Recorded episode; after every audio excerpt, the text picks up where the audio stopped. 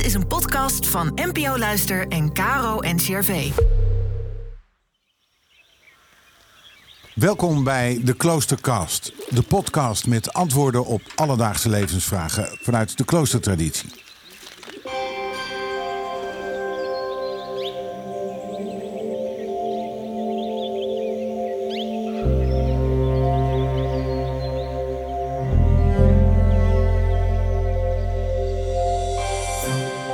Wat is het verschil tussen willen en verlangen?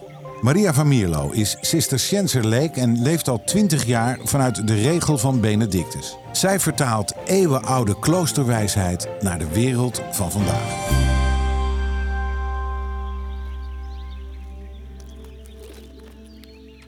Het is altijd leuk om te kijken naar wat woorden betekenen. Want als je weet wat ze betekenen, weet je wat je zegt. En dat is nodig voor wie graag met aandacht spreekt. Neem de woorden willen en verlangen. Ze lijken hetzelfde uit te drukken, maar ze verschillen van elkaar zoals zwemmen en diepzeeduiken. En toch worden ze door elkaar gebruikt. Wat is dan het verschil tussen willen en verlangen? Het woord willen is verwant met oude woordvormen die kiezen betekenen. Kort gezegd, als je iets wil, dan heeft dat te maken met een keuze. Ik wil op vakantie, daar kies ik voor. Of ik wil dat boek hebben. Ik wil een bel op mijn fiets. Ik wil dat je luistert. Bij willen gaat het vaak om een wens die te beredeneren is. Je denkt ergens over na, je kiest en dan wil je iets. Het woord verlangen ligt dieper. Qua betekenis gaat het terug op verlengen. Daarin hoor je dat verlangen iets is wat voortduurt, iets wat kennelijk niet vervuld is. Of het gaat over iets waar je op hoopt, maar dat alsmaar niet gebeurt. Ik verlang naar regen. Ik verlang naar vrede. Je zegt niet, ik verlang naar een bel op mijn fiets. Ja, als je jong bent en een verlanglijstje voor Sinterklaas maakt, dan misschien. Op een subtiele manier verstaan mensen dit verschil. Je voelt gewoon dat de vraag wat wil je een andere vraag is dan wat verlang je.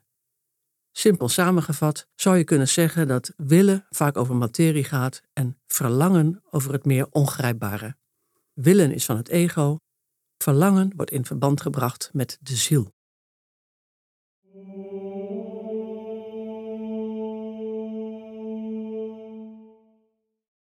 Nu is het helaas zo dat ons ego geen idee heeft van wat wij ten diepste verlangen. Het ego is namelijk egoïstisch. Dat denkt alleen aan zichzelf. Diepe verlangens, wat moet je ermee, denkt het ego. Ze zitten alles wat vertrouwd en veilig is maar in de weg. Ze bedreigen de voorspelbaarheid van het bestaan. Ze gooien alles overhoop als je ernaar zou luisteren. En het ego wil geen onvoorspelbare situaties. Maar als je toch blijft vasthouden aan die eigen kleine mensenwil, voel je uiteindelijk de verbinding niet meer met je ziel. Je gaat dan denken dat wat jij wil echt het goede is. Of dat je altijd gelijk hebt. Of nog erger, je gaat denken dat jouw wil wet is. En dat anderen daarnaar moeten luisteren. Even voor de duidelijkheid, je hebt je ego natuurlijk wel nodig. Al was het maar om te bedenken wat je vandaag aan zult trekken. De ziel alleen is volstrekt hulpeloos hier op aarde. Maar de ziel moet wakker worden en zich realiseren dat zij aan het stuur van het leven hoort te zitten. Dat is waar het kloosterleven over gaat: leven vanuit de ziel. Met andere woorden, vanuit God.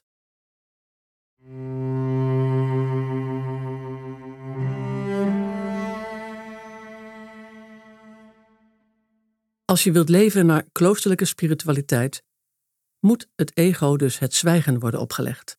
Oude argumenten en overtuigingen zijn niet langer leidend. Alle zinnen die beginnen met ik en willen worden dan verkeerde zinnen, leerde ik ooit van een wijze monnik.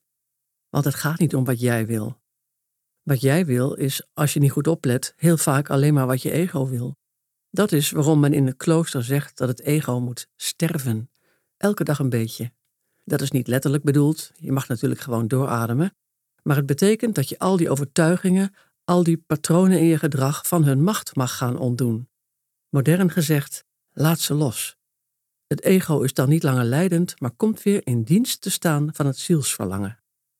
Als we dat doen, kan ons zelf eindelijk zichtbaar worden. Dan kan er pas sprake zijn van echt leven. En zelfs een heilig leven. Want heilig betekent niets anders dan heel, geheeld. En je leeft een heel leven, een kloppend leven, als wat je doet en zegt samenvalt met je zielsverlangen. Luister dus naar binnen, want daar klinkt de stem van je hart, de klank van je ziel. Alleen wie ophoudt met letten op wat hij zogenaamd wil, kan horen wat er van binnen leeft aan verlangen.